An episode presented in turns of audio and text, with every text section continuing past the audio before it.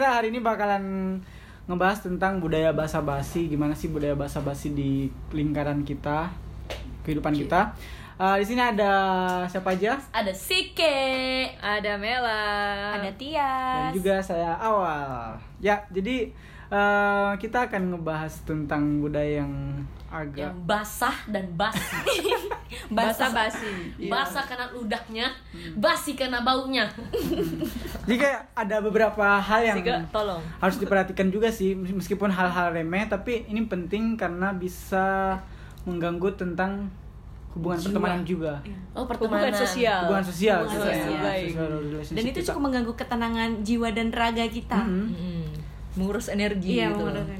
Jadi bete kalau mau ketemu sama orang itu, Hmm. eh Berarti kayak basa-basinya. menghindar dulu Eh. Hmm. kayak misalnya kan kalau menurut saya sendiri sih budaya basa-basi kayak pas ketemu keluarga yang sudah lama tidak dijumpai Hmm. misalnya dia pasti bakal ngeliat loh awal sekarang sudah besar ya Maksudnya mungkin dulu ketemu yang pas masih kecil-kecil dan sekarang sudah sudah mulai membengkak badannya jadi kayak itu kayak semacam apa juga ya tidak terlalu penting untuk dibahas Maksudnya perubahan fisik yang ya udah nggak usah nggak usah di ngomongin diomongin. Tapi kan itu standar basa-basi ibu-ibu yang ngomongnya kamu dulu kecilnya kayak Iya, gini iya, terus sambil nunjuk ke bener. kayak apa tangan tangannya sudah mau sampai di ubin. Terus dia bilang sekarang ibu-ibunya itu- eh, apa? Sekarang sekarang sudah besar kayak begini ya ampun cepat sekali tumbuh. Saya mau bilang sama ibunya aduh ibu ibu yang sana tuh sudah dari dulu keriput sekarang eh keriput apa yang dulu dulu mulus sekarang sudah keriput juga mau dibalas tapi tidak bisa Ya, beda tapi lah. itu standar standar dulu kecil begini sekarang begini dan tiap kali ketemu pasti bilang itu pasti bilang kayak gitu pasti bilang itu Atau kalau kalau saya kayak, ih padahal dulu seringnya datang ke rumah main-main. Sekarang ih besarnya mi dokter mi lagi. Ih jadi kenapa mi tante? Iya. skeptik banget ibu dia tapi lebih seringnya itu kalau yang saya dapat Hmm. Fisik sih. Eh sekarang eh, kurusan ya gitu. Terus eh iteman ya atau enggak eh sekarang kok jerawatan? Apa gitu. Lebih ke fisik. Hmm. Dan- Jadi kayak body shaming. Mm-mm, body shaming gitu sih. Lebih ke fisik yang dilihat perubahannya kan. Apalagi saya bu. Mohon maaf nih. Kalau ketemu dia ngomong gini "Eh, ini sike ya? Iya sike. Iya. Wah gendut sekali sekarang. Tapi nggak tahu guys. Saya paling suka. Maksudnya dulu tuh kalau bahasa basi mungkin menjembalkan tuh sekarang kayak lebih suka karena saya merasa tertantang untuk melawan para ibu-ibu macik-macik bawang macik-macik pengupas Jadi bawang bagaimana bagaimana? Bagaimana? Bagaimana? Eh, Contoh, contoh, contoh, contoh, contoh, contoh. Wah sekarang gendutan ya dengan ibu-ibu yang sangat kurus. Heeh. Terus saya bilang nih, saya iya tante bahagia kan. Ih tante kurusnya. Mungkin harus banyak makan. Iya menderita makan-makan sedikit supaya tante lebih bahagia. Eh tantenya tuh kayak akhirnya tapi jujur tetangga aku tuh kayak begitu toh. Jadi tiap kali tiap kali dikasih masuk motor dan ketemu saya pasti itu dibahas buat tetangga saya kalau dengar tolong berhenti. Gak apa-apa sih. Gak asik juga. Jadi pasti dia bahasnya soal soal badan lah dan lain-lain. Iya naik kan. Dan saya selalu bahas kayak begitu. Dan dia yang kayak akhirnya ujung-ujungnya sekarang udah sudah bosan. Udah bosannya kalau ketemu eh, iya bagaimana sekarang, di mana sekarang kayak begitu. Dan ya kalau bicara badan saya sekarang lebih lebih lebih asik sih. Iya, jadi kayak ya kalau eh, kalau misalnya gue kurus terus dia bilang gendut kan ya marah lah gitu. Tapi emang gendut kok ngapain marah gitu Betul, kan. Cuman Iya, ya betul, betul, betul. be aja cuman kayak tante-tante gitu kalau dibiarin kan biasanya na- na- nanya terus kan dan kasihan juga dia buang tenaga gitu loh. Jadi sengaja harus di disampaikan bahwa enggak tante aku nih lagi memang segini loh begitu. Dan ini biasa aja. Tantenya ngerti kok tetangga gue ngerti. Tapi kayak mungkin orang-orang kayak begitu ngomong soalnya kayak mau ngomong apa lagi ya selain penampilan? Ya sudah komentarin Iya, penampilannya aja. karena itu yang nampak perubahannya kan, yang misal lama nggak ketemu, terus uh, setelah sekian lama nggak ketemu, ketemu lagi ya apa ya awal mula yang mau membangun pembicaraan gitu, jadi ya basa basinya lewat perubahan fisik yang kita alami, Yang memang tampak dari Eh, eh, yang mata tampak dari, langsung. Mm-mm. Tapi Terus, tapi ada juga sih yang memang bertanya kayak Weh apa kau makan, apa kau minum sampai bisa sebesar ini? Mungkin itu agak bukan mungkin ba- basa-basi tapi memang karena dia ingin terinspirasi bagaimana cara-cara untuk menambah berat badan atau bagaimana cara-cara untuk menghitamkan kulit. Ada nggak sih? Tidak ada ya? Tidak ada ya? Tidak ada ya? memutihkan, memutihkan. kulit. Hmm. Tapi ada juga kayak, ih tambah cantik nih. terus kayak hmm. Bagus itu pujian. Itu pujian Itu kalau itu, pujian. itu positif. Eh, tapi saya kan galau saya kalau lihat tambah cantik saya bilang apa saya jelas selalu Makasih. kalau itu tambah cantik ih jelas baru apa jawab lagi baby cantik yang ngomong lah balas basa basi juga saya Kalau itu basa-basi di sosial media, kalau di komen, ih cantiknya, ih cantik yang You're komen." pretty itu kan Iya, cantik iya. yang komen Padahal dalam hati eh, nggak tahu Biasa ya. Oh, itu pikiran Anda. kalau saya sih biasa tulus dari hati ya kalau mau komen komen kalau nggak nggak mau Masya Allah, tulus memang hatinya Sike.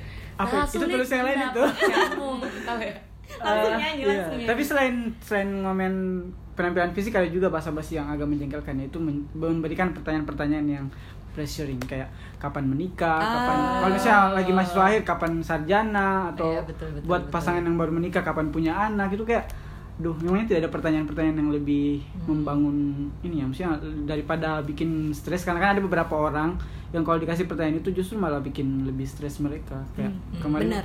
Waktu masih masih awal akhir semester masih menyelesaikan skripsi, skripsi ditanya setiap pulang kampung pasti ditanya sama keluarga kapan selesai? Kapan selesai? Atau sama teman kampus kapan kau selesai weh?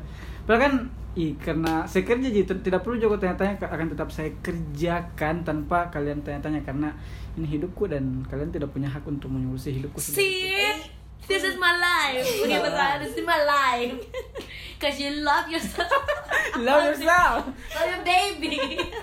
Apaan coba? Tapi kayaknya em, pertanyaan yang sering saya dapat itu kayak kapan menikah? Waduh, saya sudah kayak kapan menikah atau kapan ini? Saya sudah bilang, aduh, kayaknya karena saya mempunyai setiap kali dikasih peluru saya punya tameng yang sangat bagus. Ya tante-tante itu berhenti untuk bertanya. Kayaknya ini sudah jengkel sama saya. kapan menikah? Bagaimana mau menikah tante? Urus diri sendiri. Saya tidak bisa saya. Mau tambah lagi satu.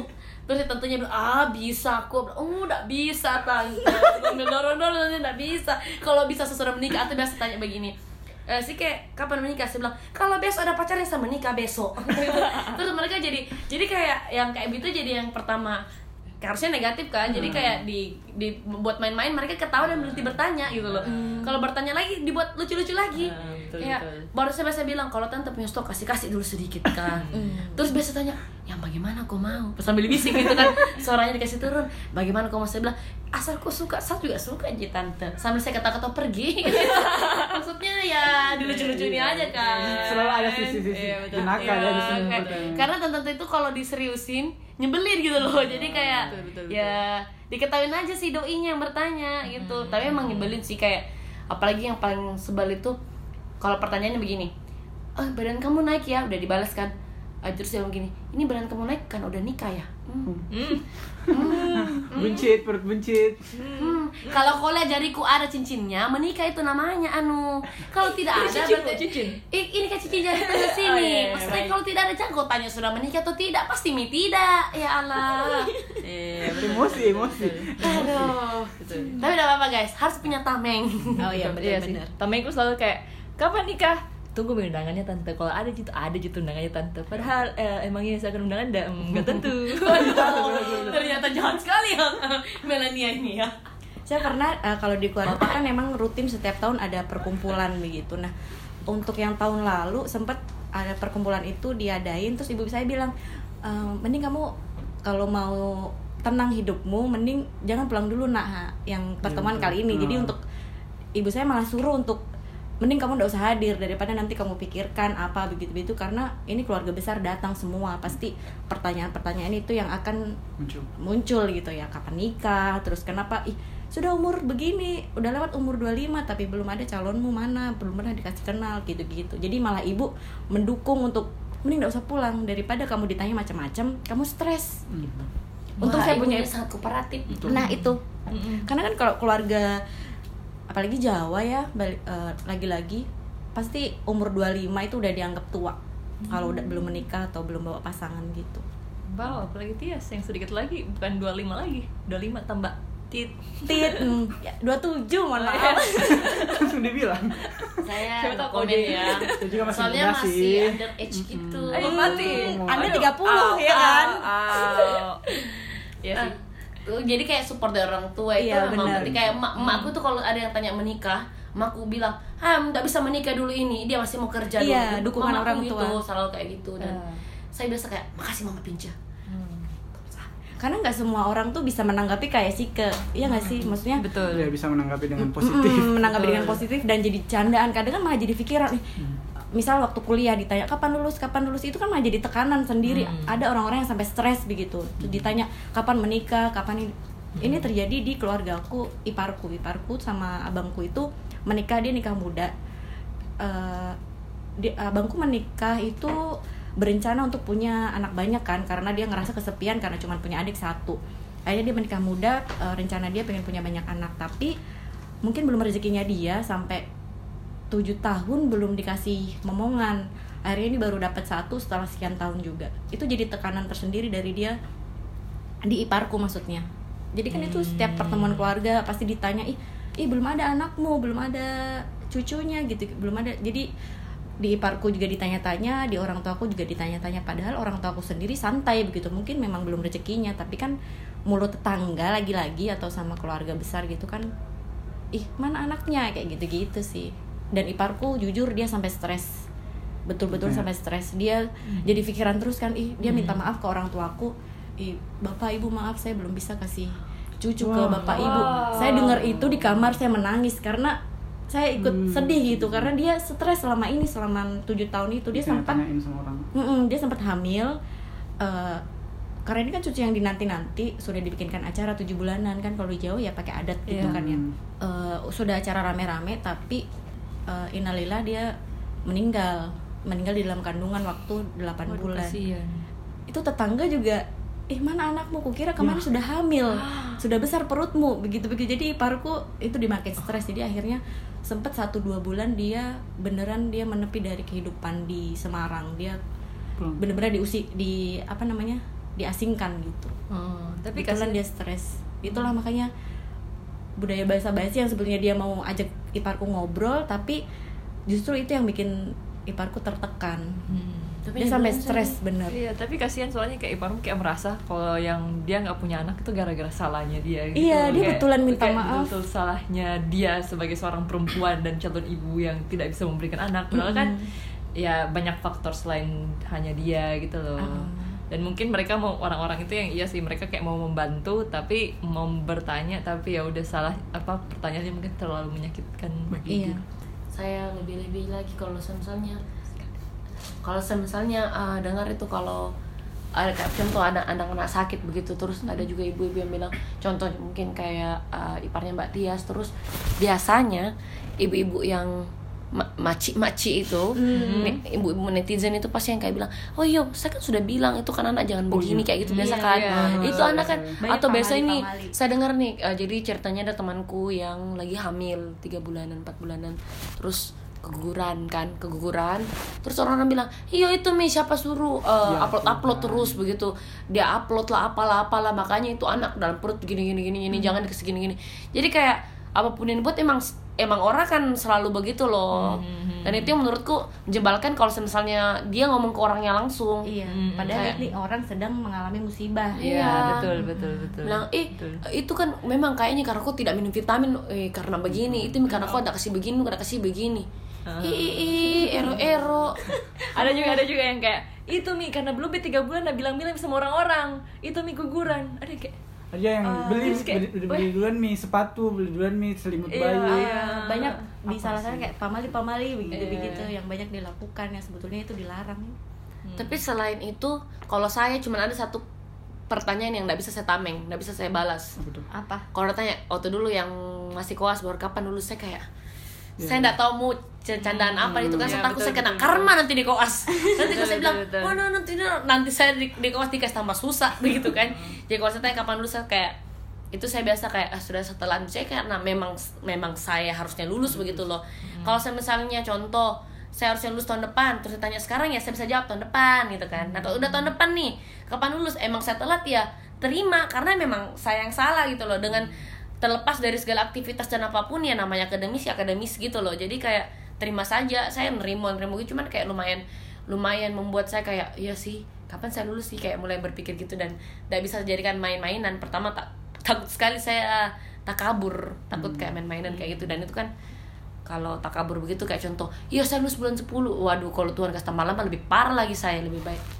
Sudahlah diam-diamin aja tapi emang harus harus diingatkan lagi sih kalau misalnya kalau kita mau bertanya harus kita tahu bilang we never know what they have been through kayak Iya, sih. Ah. ada pasti struggle-strugglenya sendiri jadi kayak misalnya orang ditanya kapan kapan kau punya anak padahal si pasangan ini sudah berusaha semaksimal mungkin bahkan iya. mungkin sudah sampai upaya bayi tabung atau Iya, cara benar. lain tapi kayak langsung Pasti disakiti lagi dengan pertanyaan-pertanyaan itu jadi kayak harus lebih hati-hati lagi kalau misalnya ketemu sama orang dan bertanya hal-hal sensitif semacam itu tapi kan aku suka bingung gitu loh kayak apa gimana sih kayak pertanyaan yang bagus untuk ditanyakan gitu supaya nggak sensitif tapi kita ya mau kepo tapi Hmm. kayak nggak mau yang menyerang juga Hmm. like gimana apa kalian ada caranya untuk ber apa bertanya. Soalnya aku kan aku pernah kayak mencoba mencari misalnya kayak kehidupan teman-temanku. Aku selalu kayak bertanya ya udah how are you? Ka- kabarmu gimana?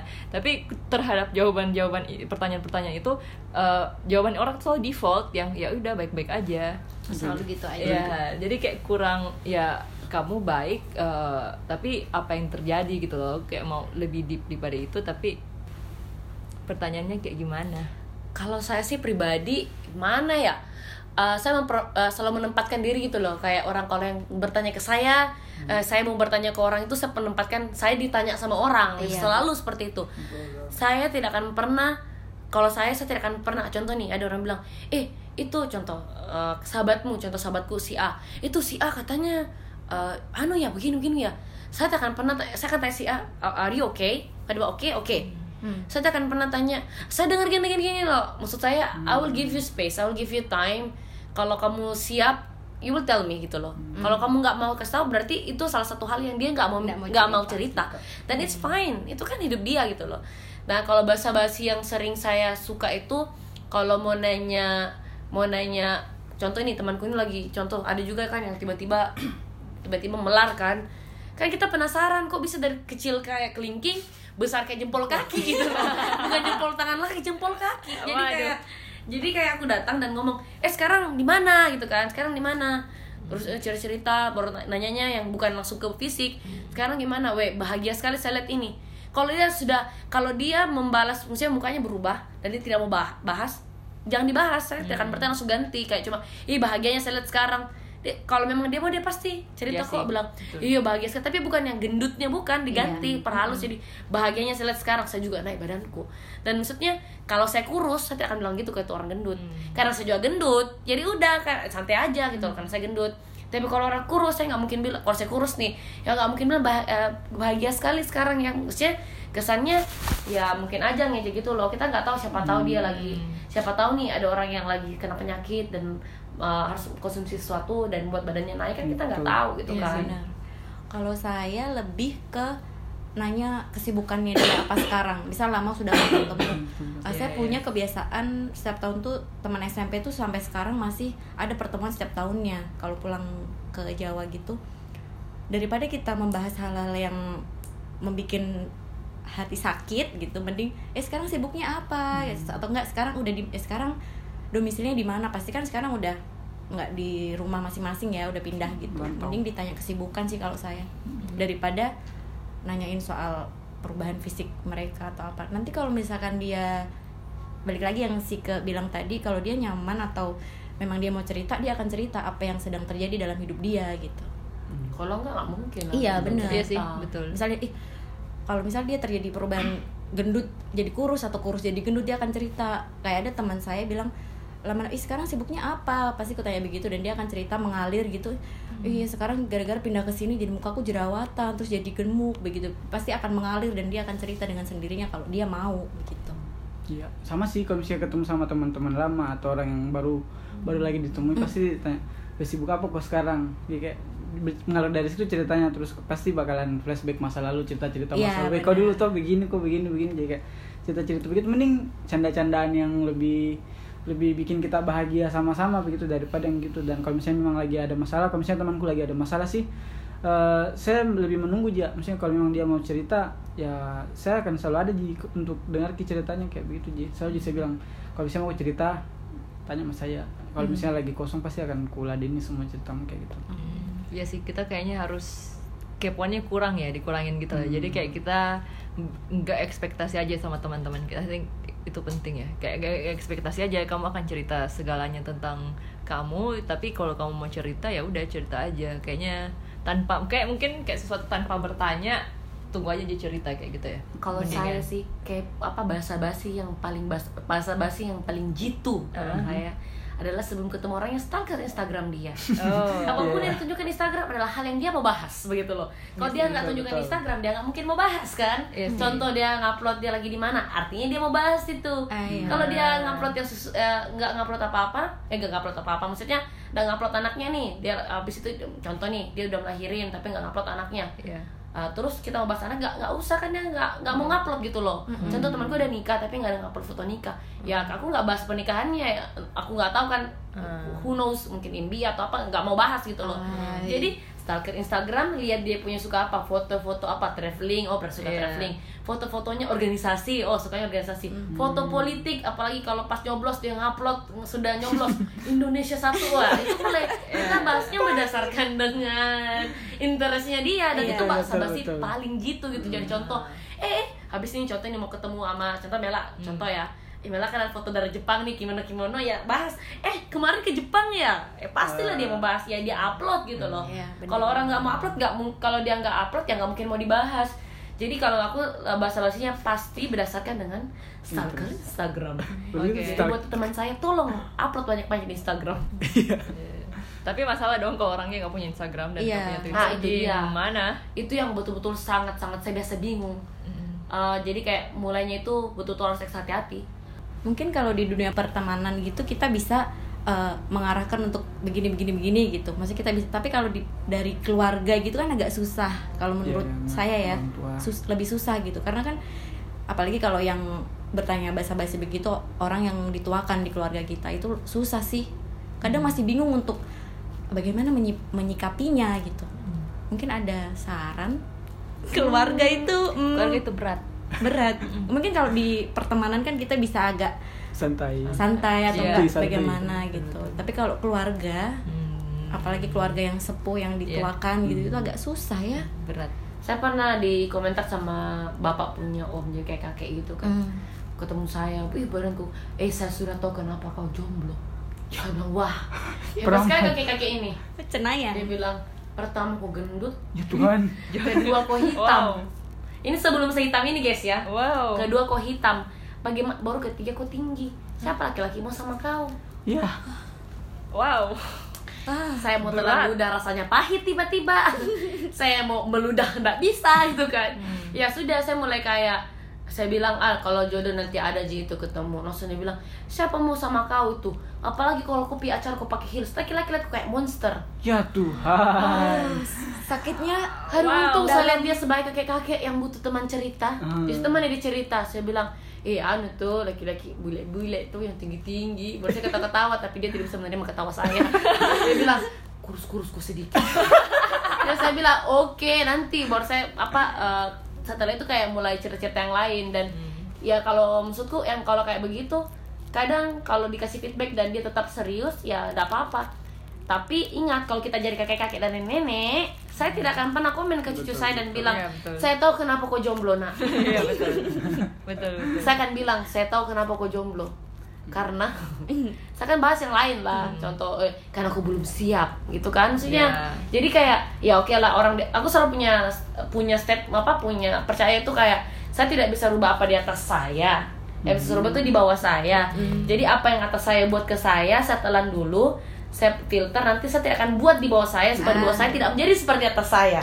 Ribet Bagus. juga ini ya Ribet. ribet. Iya. jadi intinya ya dia men tapi yang penting saya- dalam hatiku yang penting saya tidak kayak begini nanti kalau saya tua saya akan pernah bertanya begini dan itu menjadi masukan juga karena yang diomong kayak benar juga begitu loh. Jadi ya as long you as long you are happy with your life actually apa pun yang orang ngomong lu kayak oke that's true that's true begitu loh. Nggak nggak betul. ofensif gitu loh nggak Hmm. nggak merasa kayak ih kenapa saya diceritain? Hmm. ya memang lagi hitam kok memang lagi cowok. Terus kayak kenapa?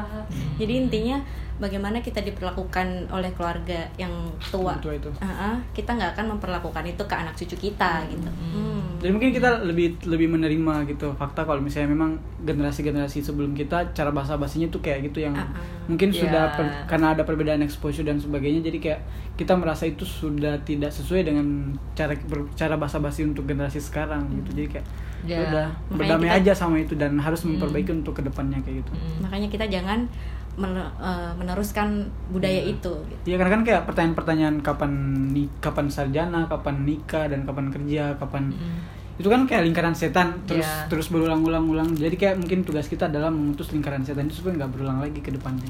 kayak si eh, apa saya punya adik Silia kan Silia selalu ngomong nih eh, cek ini temanku si A nih kan baru-baru ada pembagian pembina skripsi kan si A ini kan dia dari berapa bersahabat ada satu yang belum lulus. Eh belum lulus nih katanya dia ngomong gitu kan. Terus saya bilang eh jangan kau pernah tanya dia kapan dia lulus nah. Ya, kau betul, cuma cukup kasih ingat dia bilang ada yang bisa saya bantu. Betul, kan betul. lebih Betul, enak betul, Iya. betul, eh skripsinya betul. ada bisa saya bantu. Bukan kau tanya skripsi sampai mana. Eh skripsi sampai mana boleh tapi lebih bagus to the point. Karena saya takutnya kalau tanya skripsi sampai mana dia delete begitu dan dia stres. Iya, iya, saya tanya mending kau tanya ah udah bisa saya bantu dibanding kau tanya kapan kau skripsi atau kau bilang saya baru boleh tambah pembina skripsi tidak namamu. Jangan Ya. bilang begitu dan Sila ngomong ah tidak kok saya tidak bilang begitu soalnya saya takut dia depresi kayak itu dan Sila bilang karena saya tidak suka kasih begitu orang gitu ya. Ya saya bilang betul jangan kasih begitu orang karena saya tidak suka ditanya begitu. Oh, baru saya bilang sama Sila eh kau itu orang 20 tahun ke atas orang besar nih. Tidak mungkin pergi merantau kalau dia itu urus dirinya. Jangan piatur atur orang biarkan dia. Kayak begitu loh kan? Iya ada ya. Kalau saya lebih eh, mikir juga sih, kalau saya tidak suka diperlakukan seperti itu sama orang lain, saya saya berarti juga nggak boleh melakukan hal itu ke orang lain. Jadi sama-sama menjaga perasaan, karena tidak semua orang bisa tamengnya sebagus Ike misal. Mungkin orang yang lebih baperan begitu kan.